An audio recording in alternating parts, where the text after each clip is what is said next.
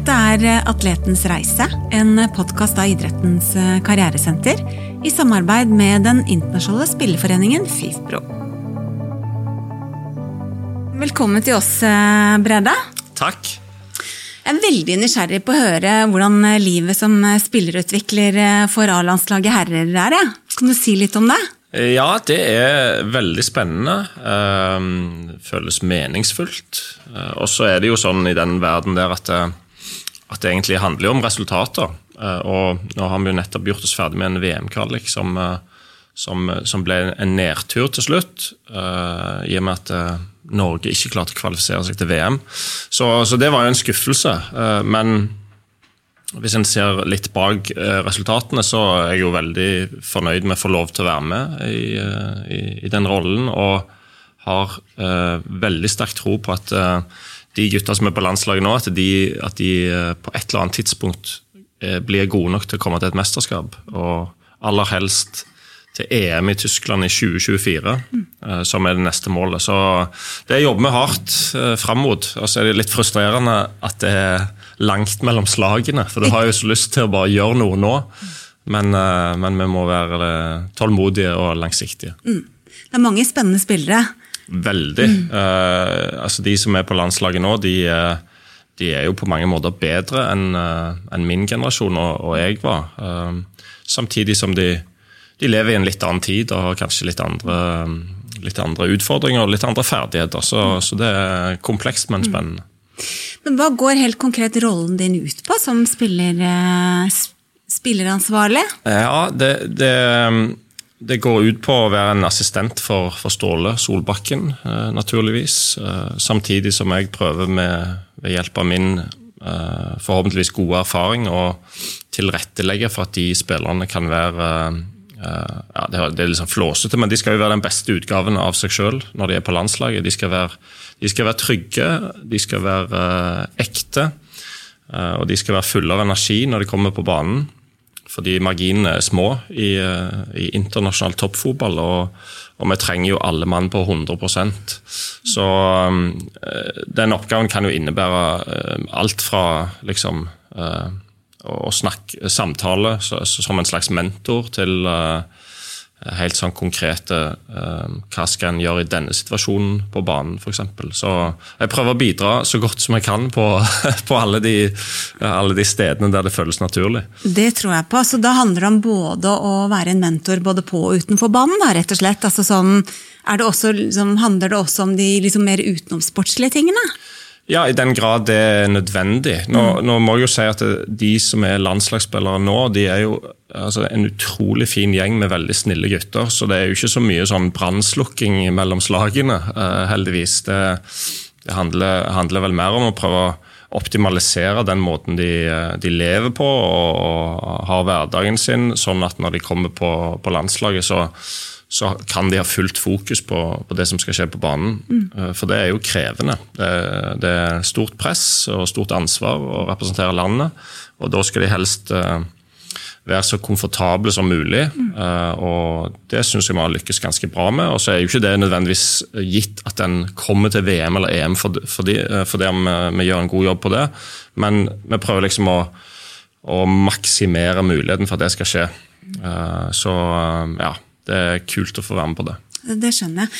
Men du, det der med trygghet som du nevnte, bidra til bl.a. at spillerne er trygge og, og maksimere muligheten for å prestere best mulig. Eh, er det noen av dem som driver med ting ved siden av, altså det å, det å spille fotball? Man kan jo tenke seg at når du er på A-landslaget og spiller i gode klubber, at det ikke er så veldig mye tid til å gjøre noe annet enn å ha fokus på fotball. Men er det noen som gjør noe ved siden av? Ja, jeg vil jo si at alle gjør jo noe. Um, altså, Det er jo mange som har familie, selvfølgelig, og bruker mye tid på det. Mm. Um, og så er det mange som har interesser og hobbyer som er helt uavhengig av fotballen. Um, og der er det jo sånn at, eh, og så, det, så må vi jo også si at landslagsspillere er som andre mennesker, de er veldig forskjellige. Mm. Uh, og noen, uh, noen, har et veldig sånn smalt fokus. Uh, og og er såkalt 24-timersutøvere, mens andre skrur litt mer av og på. Eh, så dette er jo ikke en barnehage, det er jo voksne, voksne mannfolk som, som, har kommet langt i karrieren sin, Så det handler jo, handler jo, om små justeringer og tilrettelegging og, og prøve å hjelpe dem til å få absolutt maks ut av karrieren sin. Sånn at de òg skal hjelpe landslaget inn i et, et sluttspill. Men eh, med, det er jo ingen av oss i støtteapparatet som forteller disse gutta hvordan de skal leve. Det, det, det, kan de på egen hånd, men det kan være, det kan være samtaler det kan være små, små tips og, og, hint fra oss som har vært gjennom dette før. Mm. Uh, for å hjelpe dem, rett og slett. Det er jo utelukkende derfor vi er her. Det heter, mm. det heter støtteapparat, for at apparatet skal støtte. Mm. Det, det, skjønner jeg. Og, og, og, det du sier at uh, spillerne er forskjellige. ikke sant? Så, men er det noen av de som, som studerer? Eller vi, vi, har jo forresten, altså han, Hva heter han som spiller i Italia, som har et voldsomt engasjement for miljø? Og, Martin Thorsby. Ikke sant? Ja. ja. Eh, og kanskje et lite sånn sidespor, men det tar seg jo godt ut når man leser om han i media. ikke sant? Og han er den krigeren på banen, og så ser han at han har det voldsomme engasjementet og, og liksom bryr seg om noe på, på, siden. Det er jo det er på mange måter en, en måte å forberede seg til, til, livet som en gang kommer på det òg. Det å bygge en merkevare hvor du bredder deg ut. Du både er god på banen og du gjør noe ved siden av. Er det, og nå er jeg kanskje litt sånn på siden av det jeg egentlig begynte å snakke om, men, men er det mange som, som har i det hele tatt tenker på det livet som kommer etter den, um, en aktiv karriere? Ja, det vil jeg si at det er mange som gjør. Og så ja. har de jo ulike måter å, å gjøre det på. Altså, generelt så vil jo jeg anbefale spillere å være litt sånn som Morten Thorsby. Eh, at de er engasjert i andre ting, og at de har andre interesser og ting de brenner for. Samtidig uten at vi må pålegge de å være det. Fordi at det, Eh, jeg snakker veldig mye om, om, energi, altså at en skal ha maks energi når en kommer på banen. Og En, en kar som Morten Thorsby han, han, kan få den energien ved å bruke masse tid på å lære enda mer om uh, klimakampen eller global oppvarming osv. Han, han spiller jo egentlig fotball for å bli så god som mulig, sånn at han kan skape mest mulig oppmerksomhet uh, omkring den saken som er viktig for han og for oss alle. Uh, men så har du òg andre som vil si at jeg trenger for å være best mulig på banen, så trenger jeg å, å snevre inn verden eh, og, og, se bort fra de store eh, problemstillingene og kanskje være, være veldig sånn Kall det kynisk i fokuset. Og ingenting av det er rett eller feil, uh, syns jeg. Uh, det handler om at hver enkelt må finne en, uh, en måte å leve på som gjør at de, har, liksom, at de er sånne supermenn når de går ut på Ullevål og har maks energi. Når det er sagt, så, så tror jeg jo at eh, alle har godt av i løpet av karrieren sin å uh, få et, uh, et, bredere og bredere fokus og bli mer og mer liksom, interessert i andre ting. Um, fordi at en dag tar karrieren slutt. Og det er mye enklere uh, å, å, gå over i et, et, såkalt vanlig liv hvis en har tenkt litt på det og, og liksom ja, reflektert rundt hvilke interesser en har, mm. hva en kan brukes til når en er ferdig eh, i idrettskarrieren. Så det er ikke noe en skal pålegge en 22-åring. Men når de nærmer seg 30 og blir over det, og, og kanskje ser endestasjonen i karrieren, så bør du ha begynt å tenke på uh, hva er du interessert i, hva er du god til, uh, ja, og hvilke planer har du når, uh, når det tar slutt. Mm. Og, og, der er du inne på noe som er viktig for oss også, som jobber med å, å veilede um, utøvere gjennom karrieren. Det der å finne liksom hva du er interessert i. ikke sant? For det er jo ikke bare når man ligger til lading og gjør ingenting at man henter energi. Man kan jo også få energi, som du sier, ved å engasjere seg i ting man er interessert i. Mm. Så, og, og, det opplever vi også med mange utøvere som skal studere, eller eh, ja, bygge noe kompetanse på den måten at de er opptatt av hva som er enklest. Men spørsmålet er kanskje heller hva er du interessert i? Ikke at det skal være så himla vanskelig, men det er liksom, nøkkelen er at eh, det er kanskje den interessen ikke sant, å knytte det opp mot verdiene dine, også som du sier Morten Thorsby gjør, ikke sant, i forhold til at han har et voldsomt engasjement da, for den klimakampen. Det tror jeg er kjempeviktig. Uh, mm. altså, uh, alle som har blitt gode i idrett, har jo blitt det fordi de har trent mye, og fordi at de, har, fordi at de elsker det, og fordi de er interessert i det. Og, og det kan en jo overføre til alle mulige ting. Det blir vanskelig å få et, et fullverdig, godt liv etter en idrettskarriere hvis du går inn på en vei og skal holde på med noe som du er uinteressert i. Så det kan jo være, det jo være verdt også å finne litt fram til eh, felt eller studieretninger eller eh, jobb som, eh, som ikke nødvendigvis kommer til å være like kult som det å spille fotball på, på landslaget. Det, det, vil være vanskelig å erstatte. Men noe som, som, gjør at du har lyst til å stå opp om morgenen. Uh, og som gjør at du kanskje har lyst til å uh, ta opp en bok og lese om et, uh, et tema. det er en Altså, hvis det er én ting en skal si til folk som er aktive nå, så er det liksom å være på jakt etter det. Ja. fordi at finner du noe altså Verden er stor og interessant kanskje ikke så spennende som å gå ut på Ullevål for en fullsatt eh, tribune, men det kan være veldig spennende for det om. Og, og det å liksom finne litt fram til hvilke ting er det jeg eh, syns er, er, spennende og kult og interessant. Eh, og så eh, finne en vei liksom, ut av karrieren på den måten. Det tror jeg er et godt råd. Det er jo helt nydelig at du sier det, altså, for det er jo noe av hovedfokuset vårt. Det å utforske interesser. Og som, du, som jeg opplevde at du sa, at det, er ikke noe stress å begynne tidlig.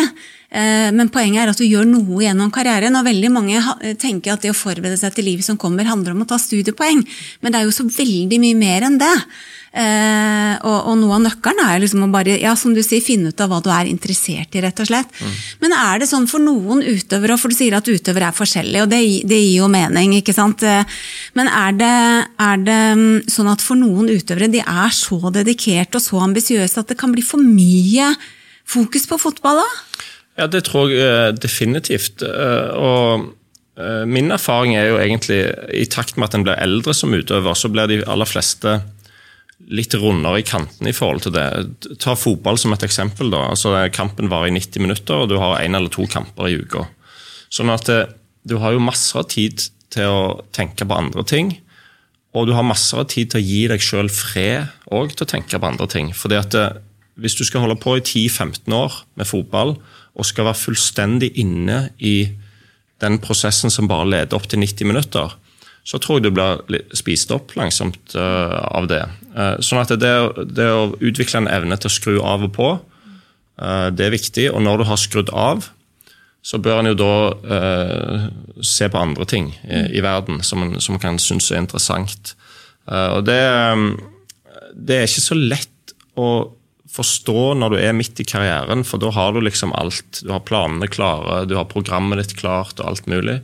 Men hvis en klarer å tenke litt sånn, så, så er min erfaring, og det viser seg òg liksom, når du snakker med andre som har lagt opp, at det, det blir mye lettere. Mm. Det blir mye lettere å ta steg inn i et vanlig liv. Og Hvis jeg kan legge til en ting til, så er det det at når du er midt i idrettskarrieren, så er du gjerne liksom i hermetegn høyt oppe i hierarkiet eh, der hvor du er. Altså Du er eh, fotballstjerne eller en eller annen idrett det som er ekstremt smart, det er å behandle alle du treffer på på den veien der, eh, bra. Uavhengig av om de er liksom såkalt lavt i hierarkiet eller høyt i hierarkiet. Eh, fordi, ja, Det er minst to grunner til at du skal behandle folk bra. Det ene er at det er bra å være et godt menneske. Og det andre er at når du er ferdig med karrieren, så husker folk dette. Og de du treffer på i løpet av karrieren, de treffer du i alle mulige sammenhenger uh, seinere i livet òg. Og hvis du har vært en ok fyr, Eh, så åpnes dører eh, av folk som, som liksom òg har blitt ti år eldre og kommet inn i nye posisjoner og, og jobber andre steder. Eh, og det får han enormt igjen for. Sånn at det der med å behandle folk ordentlig og prøve å være interessert i noe utover selve den utøvelsen av idretten, det er viktig. altså. Og, det, og det, Min erfaring er at det, da blir den overgangen fra en aktiv karriere til et liv etter karrieren. Uh, ganske så fint, altså. Um, men det krever jo litt bevissthet, og det krever at en liksom åpner øynene litt. Eh, i, i, de periodene der du har skrudd knappen av. mm, skjønner. For dere møter jo mange gjennom en karriere. Altså Alle sponsorer, samarbeidspartnere, både til klubb, til ulike klubber og, og, til landslag, for de som er så heldige eller gode nok til å komme der.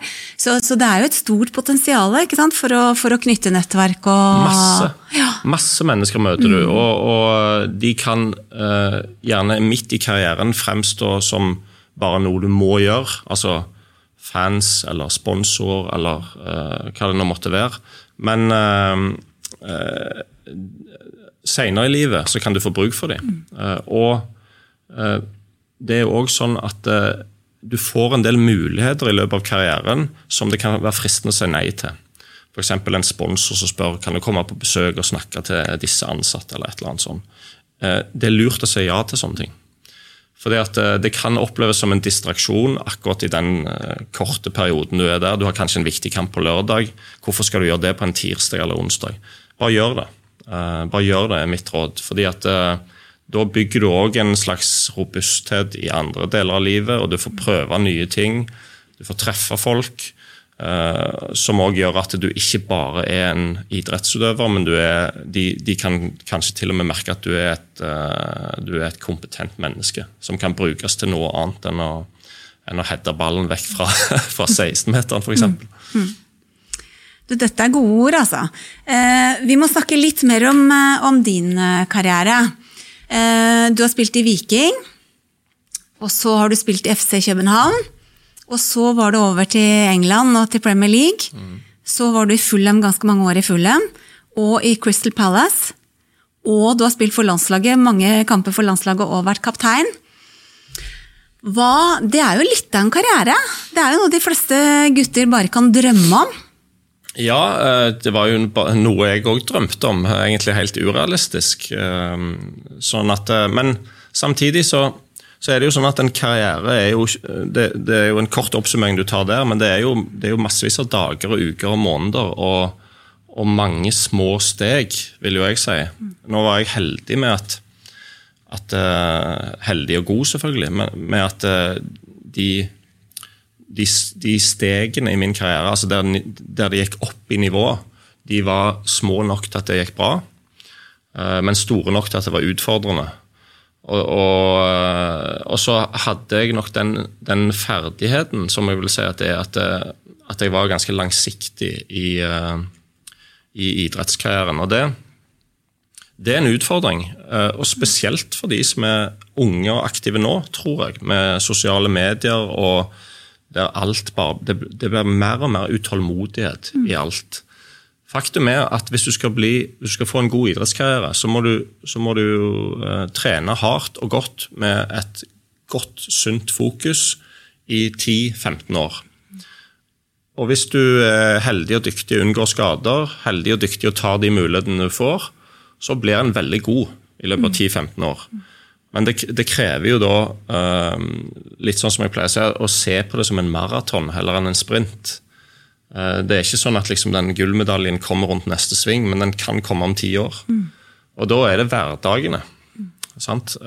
Det å ha gode hverdager med ordentlig trening, prøve å gjøre litt mer enn de andre osv. Eh, det var i hvert fall min oppskrift, og den, den fungerte fint. Og, og, Derfor er det for meg sånn litt rart å tenke på at jeg kom fra en liten klubb i en bydel i Stavanger og plutselig var i Premier League men samtidig helt naturlig. Mm. Fordi at det var små steg, eh, og ett steg om gangen. Mm. Hva, hva, vil du si har vært liksom selve drivkraften gjennom karrieren din? Hva er det som liksom har drevet deg med å drive um, fotball og gjøre den jobben som skal gjøres hver eneste dag? Um, Nei, Det er jo altså, det, er litt sånn flåsete, men det er, jo, det er jo kjærligheten til spillet, egentlig. Det, det, jo, det, var jo det kjekkeste. Eh, det er det kjekkeste jeg vet om, er fotball. Og så var jeg ganske glad i å trene, rett og slett. Var, var, var glad i, i det kameratskapet uh, og, og, hverdagene med trening. Med å prøve å presse grensene litt. Um, samtidig som du får oppleve du får oppleve så mye spennende. Altså, hvis noen sitter liksom på tampen og tar et valg, skal de bli idrettsutøver, eller skal de prøve å få en idrettskarriere eller ikke, så er det ingenting å lure på. Du må bare gjøre det.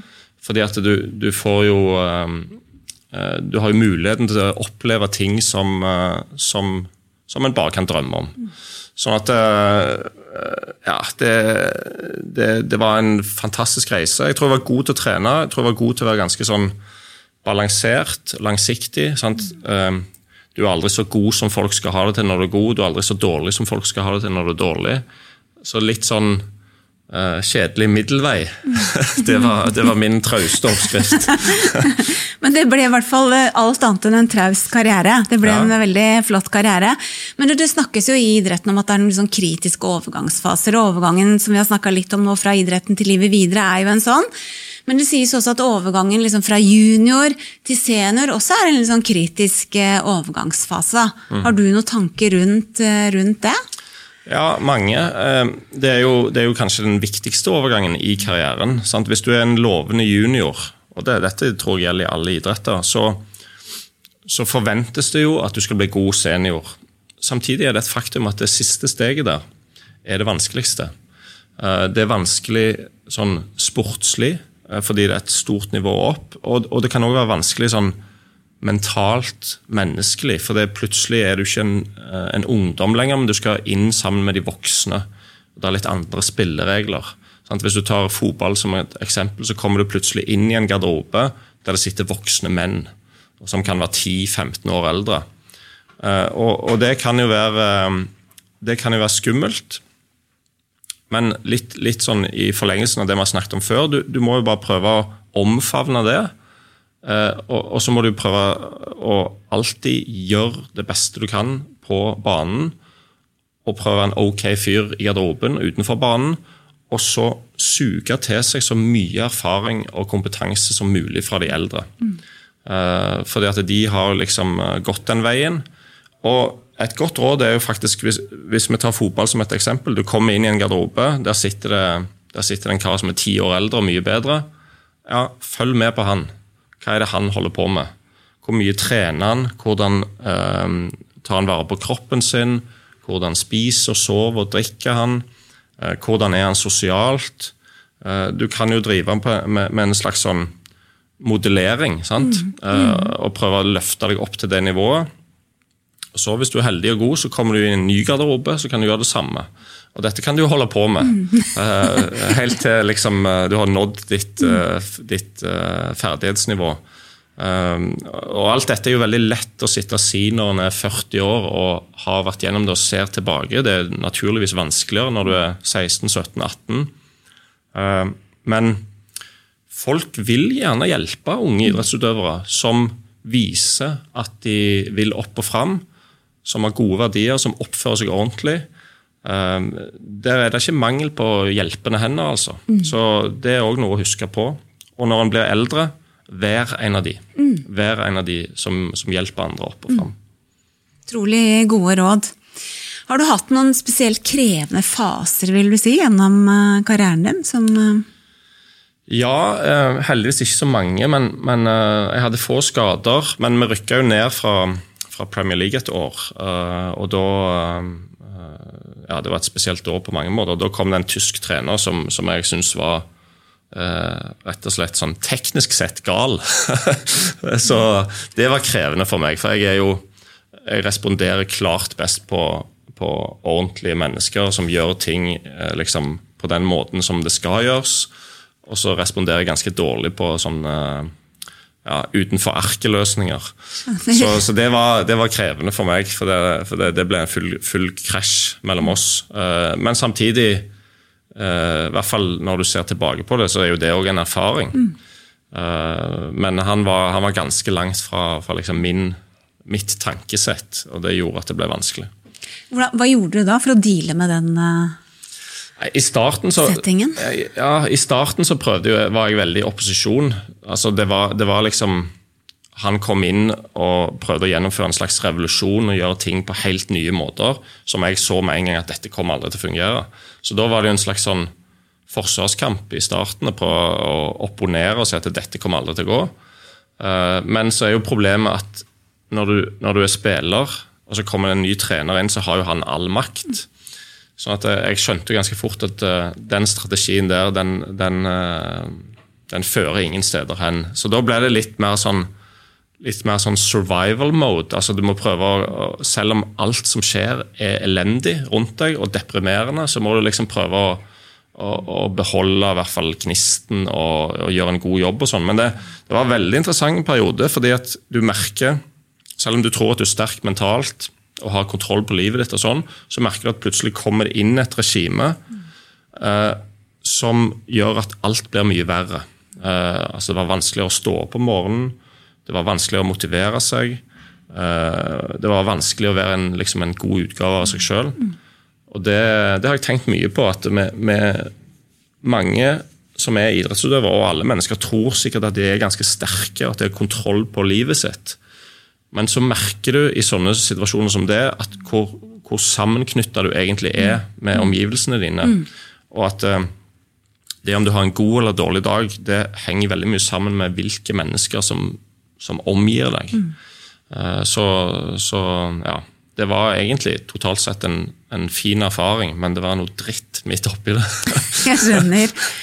Og vi er jo sosiale flokkdyr, da, ikke ja. sant? så det er noe med å på en måte føle at man hører til i flokken. og at, eh, som du sier, ikke sant? Selvfølgelig må man være en god utøver selv og håndtere mye, men du er også avhengig av folka rundt deg. Eh, og det syns jeg du sa utrolig bra når du snakka om garderoben òg. Kommer du inn som en ung utøver, vær nysgjerrig, bruk folka rundt deg også til å ta stega og modellere, ikke sant, mm. som du sa, og, og vice versa. Eh, men du, det, det mm, det snakkes jo mye om overførbar kompetanse også fra idretten til livet videre. Eh, og det er jo åpenbart at det er mye læring og erfaring i idretten som er gull verdt å ha med seg videre. Hva, hva, tenker du er liksom Eller har du gjort deg noen tanker rundt hva, hva du har tatt med deg? Um, ja, um, mange tanker, egentlig. Altså Jeg er jo sånn halvstudert, kan jeg jo si. Jeg har en, en bachelor i økonomi. Og så burde jeg egentlig ha tatt litt mer på det. Men når jeg ga meg med, med fotball, så, så, fant jeg ganske fort ut at uh, akkurat nå er det ikke riktig å studere. Det kan være å gjøre det senere i livet. Nå skal jeg heller bare bruke alle de tingene som jeg har lært automatisk i idretten. Uh, og det må folk ikke undervurdere. Fordi at det, det å ha evnen til å jobbe hardt, det å ha evnen til å lære ting, det å ha evnen til å tåle press, Eh, det å kunne stå på selv om det, selv om det brenner litt eh, i omgivelsene, det er egenskaper som idrettsutøvere lærer seg, og som er fantastiske å ha i arbeidslivet. Sånn at eh, selv om, altså Jeg vil jo anbefale folk å studere, som vi snakket om å ha en plan B osv., men selv om en ikke har gjort det, så har du Eh, nærmest automatisk, hvis du har vært gjennom en idrettskarriere, en del egenskaper som er veldig ettertrakta i mm. arbeidslivet, og som folk syns er fantastiske. Eh, og så kan det oppleves for idrettsutøveren som en selvfølgelighet, men i det vanlige arbeidslivet så kan det være en sånn superkraft, disse tingene her. Eh, sånn at det, det selvfølgelig kommer jo an på hva du skal gjøre når du er ferdig med karrieren din. Du kan ikke gå rett inn og bli lege eller ingeniør hvis du ikke har studert. Eh, men du kan gjøre en hel haug med forskjellige jobber der akkurat den pakken av kompetanse som du får i idretten, vil være gull verd. Så igjen så handler det jo litt bare om å, å se det og, og, og tilby det. Uh, og så bruke det i, i nye, på nye arenaer. Mm. Uh, da er min erfaring at dørene åpnes. Du, du, sier jo nå at du studerte litt ved siden av. Hva var det som fikk deg til, til å i det hele tatt begynne å studere? Jeg, jeg begynte på Universitetet i Stavanger i, mens, mens, jeg spilte i Viking. og Da var det jo, var det jo egentlig sånn klassisk sånn plan B. altså Eh, kan være, det kan være det blir en fotballkarriere, det kan være det ikke blir det. Du må ha en plan. Så det var jo fornuftig. Og så, så hadde jeg noen år der fotballen var så altoppslukende at det var umulig å, å få tid til å studere. Det var i København og i starten i England. Og så fant jeg ut, eh, egentlig litt som jeg snakket om her nå, at eh, etter hvert i England så så jeg at eh, ok, det er litt tid i hverdagen. Uh, kanskje jeg skal prøve å studere litt ferdig. Så jeg tok en del sånne fag eh, i økonomi. Har bl.a. vært på den norske skolen i Wimbledon mange ganger og avlagt eksamen. Såpass, ja. ja. uh, med blanda hell, må jeg jo si. Uh, men så synes jeg jo at Det som var utfordrende med det, at du velger en eller annen retning når du er 19 år. Og jeg valgte økonomi. Og så blir du kanskje 25, og så tenker du sånn, altså ligger det en statistikkbok på 500 sider klar til å leses, og så tenker du sånn Er virkelig det den, den boka i verden jeg har mest lyst til å lese nå? Det er jo svaret selvfølgelig nei. Uh, sånn at uh, Jeg fant vel ut at det, det, skal, det, er ikke på død og liv sånn at du må, du må være ferdigstudert når karrieren er slutt. Fordi at du har de egenskapene som vi har snakket om her. Å studere det kan en gjøre når som helst. Uh, selvfølgelig finner folk noe som de syns er spennende, så kjør på. Gjør ferdig en utdannelse. Men det er heller ingen grunn til å sitte med liksom, dårlig samvittighet hvis en ikke har gjort nok. Uh, og, og føle at nå, jeg, nå, har jeg vært idrettsutøver i ti år, jeg burde ha en mastergrad. Det går fint for deg om du ikke har det. For du har masse kompetanse, og du kan ta det når du er ferdig. Uh, men, men, jeg tror at jo eldre en blir, det er i hvert fall uh, tilfellet for meg, jo eldre en blir, jo mer selektiv blir det jo på dette med studier. Jeg gidder ikke studere bare for å få et papir. Jeg vil studere fordi det er spennende, og fordi det, det føles som noe du trenger i, i, uh, i det videre livet.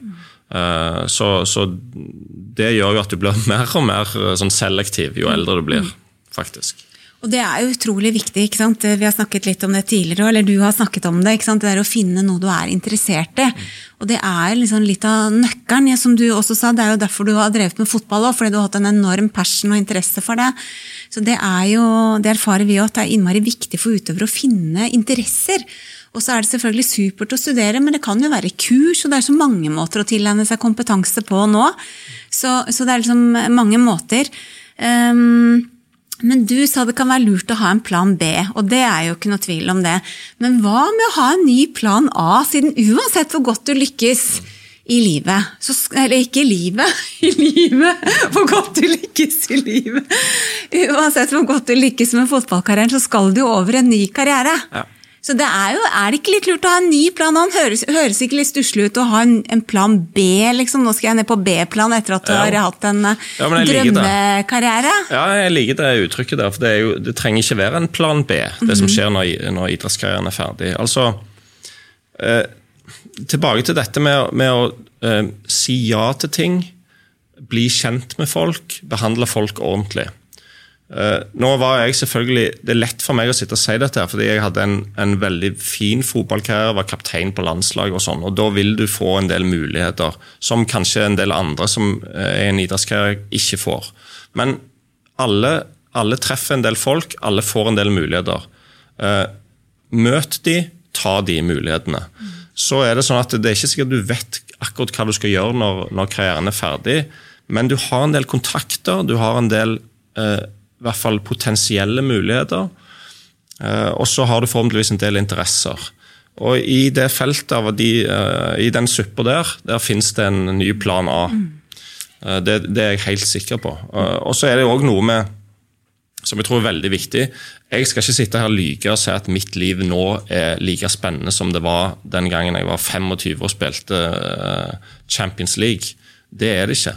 Men du må liksom òg tror jeg være voksen nok til å justere forventningene litt. Altså Når du er ferdig med en idrettskarriere, så kan det godt være at de beste årene dine de er bak deg. Og så er det sånn, Da må du egentlig velge. da Skal du sitte og grine over det? Mm. Eller skal du tenke sånn Det var fett å få oppleve de tingene der. Mm. Det var fett. Det er få som fikk oppleve det. Nå er det en ny fase, ny plan A. La oss prøve å gjøre det beste ut av dette. Fordi at eh, Hvis du bare jakter på følelsen av topp toppene i idrettskarrieren, så tror jeg du skal jakte lenge. altså. Og Det kan være at du aldri, aldri finner noe. fordi at det, det, er jo per definisjon vanskelig å, å liksom gjenskape de tingene der. Så litt sånn realisme i forhold til det, det er viktig. Kloke ord, altså. Men du, det er én ting jeg er litt nysgjerrig på. for eh, Vi har jo jobbet med ganske mange fotballspillere etter hvert.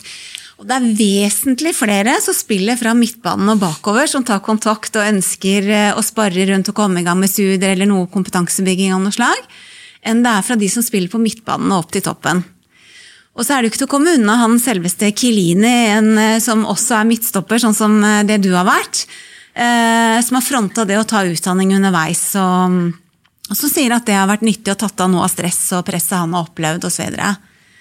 Er det en sammenheng eller, mellom hvor mye man har fokus på det livet som kommer en dag, og, og personlighet, og hvor man, hvor man, spiller på banen? Hva?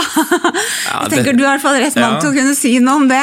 Ja, dette ble jo bare synsing, naturligvis. Jeg har ikke forska på dette. Men, men uh, det kan kanskje være noe med at ulike personligheter finner sin plass på banen. Uh, Eh, sånn Fra et midtstopperperspektiv så, så, er det jo sånn at der ser du hele laget, du er avhengig av hele laget. Og så er det kanskje sånn at lenger framover banen så er du avhengig av en, et enda smalere fokus. Kanskje, kanskje enda større grad av egoisme. Ikke på en negativ måte, men fordi at du f.eks. skal skåre et mål. Sånn at jeg tror nok altså Min erfaring er at det er personlighetsforskjeller på fotballspillere, f.eks. Ut ifra hvor på banen de har tilbrakt 10-15 år.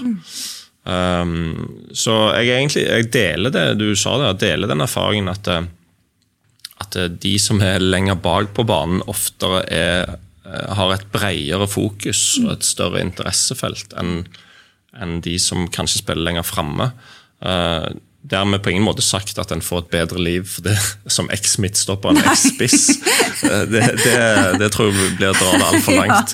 Men, men, husk på at det, det, det der smale fokuset og den der kynismen, egoismen, som en målskårer f.eks. har, eh, det kan òg brukes til noe. Mm. Men det er liksom òg noe med å bli kjent med seg sjøl her. Eh, og, og, finne ut ja, ok, brede, hvem er brede fotballspilleren? Og så skal det jo det oversettes til hvem er brede mennesker når karrieren er ferdig. For det hjelper jo ikke meg nå at jeg var god til å heade eller eller springe ganske fort. Men, men, det hjelper meg jo de der, den pakken av egenskaper som jeg har. Og alle har en pakke. Og alle som har hatt en bra idrettskarriere, kan brukes til noe. Det er jeg ikke i tvil om et sekund. Ja, Det er vår erfaring òg. Mm. At bare man bruker litt tid på dette og utforsker og bruker nettverket sitt, som du sier, det, så går dette kjempefint. Mm. Så, men jeg tenker at uh, du sa du tok, uh, studerte statistikk og osv., og, og nå er du mentor for, for A-landslaget herrer. Det høres ut som du havna litt mer på riktig hylle. Altså, det er bra du er mentor, og ikke driver og, ja. og fører statistikk, eller regner ut statistikk, kanskje. Vet at det, den følelsen altså Det er òg et ganske spennende perspektiv, syns jeg. Den følelsen en har når en utøver idretten sin det er jo en slags følelse av sånn flow. Sant? I hvert fall på de beste, uh, i de beste øyeblikkene. At liksom tid og sted forsvinner, og du er bare helt til stede i den aktiviteten der. Uh, det tror jeg alle idrettsutøvere kjenner seg igjen i. Uh, og så, Det er ikke sånn at du nødvendigvis får den samme følelsen i det vanlige arbeidslivet. den der perfekte prestasjonsfølelsen. Men du kan jo kjenne på kroppen ofte om du gjør noe, om, om, kroppen stritter imot, eller om kroppen er med. Eh, eller om sinnet er med. Eh, og Det tror jeg du kan, hvis du liksom kjenner etter, så kan du utforske ulike situasjoner, ulike retninger, og så kan du kjenne er dette riktig eller er det feil.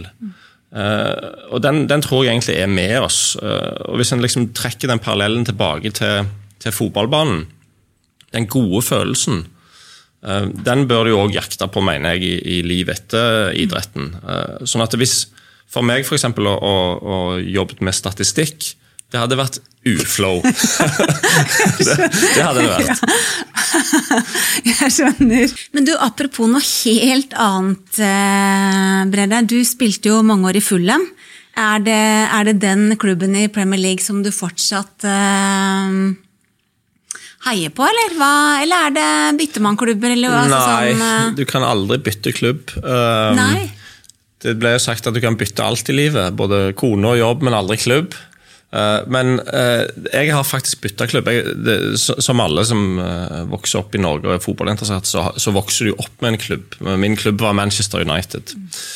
Så fant jeg ut at det er faktisk lov å bytte klubb hvis du signerer for en annen klubb som begynner å spille mot den klubben. Så eh, Jeg begynte jo å, å møte Manchester United i, i, kamper borte i England, og da føltes det veldig rart å liksom holde med de. Du må, du må, jo holde med det laget du er på. Så det ble, Jeg var jo der i seks og et halvt år, så det ble jo liksom et, ja, et, et hjem for meg, egentlig, den klubben der. Så, og, og fikk veldig mange gode venner, både blant spillere og og andre ansatte og supportere osv. Og, så og det har vi jo snakket om litt før. Det, det å bare eh, knytte de kontaktene der, det er jeg jo så utrolig glad for at jeg gjorde i dag. For nå er jo ikke jeg en, nå er jeg en fyr som spilte i Fulham for ja, snart ti år siden. Mm. Uh, men jeg har jo masse venner og masse åpne dører. Uh, og har liksom et hjem uh, i et annet land resten av livet. Mm. Eh, fordi at jeg eh, eh, skjønte dette. At det liksom Det går an å ha en relasjon til folk selv om de ikke er superstjerner på laget. Det, det, er mange andre fine mennesker i og rundt en klubb, f.eks. Og det tror jeg gjelder for alle idrettsutøvere i alle idretter. At de, der, rundt de så er det masse mennesker eh, som du kan eh, få en relasjon til. Og det vil du ha igjen for seinere. Mm. Definitivt. Mm. Og så var det en som hviska meg i øret at Fulham har vært nede. De er, de er ikke i Premier League nå, men de, er, de, ligger godt an for å rykke opp igjen. Ja. Er det sånn at eh, livet blir litt eh, lystigere for deg der, eller eh, er det, er det på det nivået? Ja, jeg følger jo veldig med, ja. selvfølgelig. Men nå har de liksom tatt heis opp og ned fra Premier League til, til championship, som det heter, egentlig helt siden jeg ga meg der. Det har vært litt sånn jojo-klubb. Så jeg håper jo veldig at de kommer seg opp. Um, og så var det jo sånn at Jeg jobbet noen år i TV 2 etter karrieren min, og da var det egentlig ganske greit at Fulham ikke var i Premier League. For da eh, kunne ingen beskylde meg for å være, for å være partisk i kommenteringen. sant? Eh, jeg, hadde et, eh, jeg holdt med et lag som, var, som ikke var blant de gode. Så, så det, sånn sett var jo det en fin løsning. Men du, det vi også må snakke litt om, og vi har jo allerede vært inne på det, dette, det er overgangen eh, til ny karriere. Og du sa jo dette med innstilling. Tidligere var du litt inne på det og liksom, hva slags innstilling du velger å ha. Velger du å liksom, se tilbake på det du har opplevd som noe fantastisk, ikke sant? og så gå videre? Um, men, men hva, hva, hva er det du har gjort, eller har du gjort noe spesielt for å liksom, takle overgangen. Det har du for så vidt også vært inne på, for du har jo studert og du har jo åpenbart tenkt igjennom en del ting eh, gjennom karrieren. Men når, liksom, når, det var et faktum at du skulle gi deg, gjorde du noe spesielt for å takle denne overgangen? Um, jeg, jeg, tror jeg var heldig i den forstand at altså, den verste måten en karriere tar slutt på, og det, det har jeg veldig respekt for de som plutselig får en skade, f.eks. Og så, så liksom fra mandag til tirsdag så er det slutt det må jo være utrolig mye mer krevende enn sånn som jeg hadde det. For jeg hadde liksom en ja, egentlig et par år på slutten der, når jeg var i Crystal Palace, der jeg skjønte at nå er det snart slutt, og der du kunne gå gjennom de tankeprosessene der og liksom prøve å være litt forberedt på det. Eh, samtidig så, så gjelder det jo for alle at det vil være sånn at fra en dag til det neste så er det slutt. Eh, jeg husker For min del var det siste jeg gjorde, var å være med på en FA-cupfinale, altså en engelsk cupfinale, med stor ståhei og masse tilskuere. Og så på mandag morgen så var du pensjonist. Mm. Og det er jo litt sånn Det er jo ingen grunn til å legge skjul på det, at det er krevende. Altså Det blir jo sånn eksistensielt, mm. nærmest. Du var en som du ikke lenger er. Jeg har tenkt på det litt på en sånn måte som at altså, høres litt, kanskje litt rart ut, men det er jo som om en, del av deg dør. Sant? Eh, det er et så stort tap, for det er det du, det du elsker å gjøre, og, og, du vet at nå kommer det aldri til å skje igjen. Og Så må en jo liksom ta en sånn fot i bakken der når det skjer, og så eh, kanskje zoome ut litt og se på livet ditt og se på verden og si at det går, dette går jo greit. sant? Eh, nå er det kapitlet lukka, men veldig avhengig av deg sjøl, så vil du ha masse muligheter. Men da er det ikke noe lurt å bli sittende og, og bare tenke tilbake. Uh, og, for det er en oppskrift på, på, på depresjon, tror jeg, altså, hvis en bare blir sånn tilbakeskuende. Mm. Der må du bare uh, så fort som mulig se framover og inn i noe nytt. Uh, og all min erfaring og alle jeg kjenner som har lagt opp eller gitt seg med en idrettskarriere. Det går mye bedre hvis du bare begynner med noe. Mm. For det blir nok av tid til å sitte og tenke på gamle meritter og, og, se gamle kamper og sånn. Men du kan ikke bare gjøre det.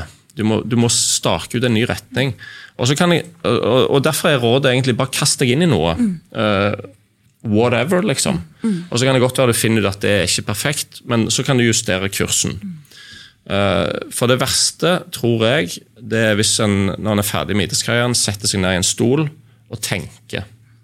Eh, da tror jeg det fort blir litt mørkt, altså, rett og slett. Mm. fordi at eh, da, da, da, kommer gjerne de tankene om at det blir aldri så kult som det var. Hva skal skje nå, osv. Rett over i noe nytt. Det, det, tror jeg er bra. Om det er studier, studier eller jobb, eller være med på noen prosjekter, eller engasjere seg i et eller annet det er, ikke så, det er mindre viktig hva det er, men at det er noe. Ja, ja. Det tror jeg er kjempeviktig.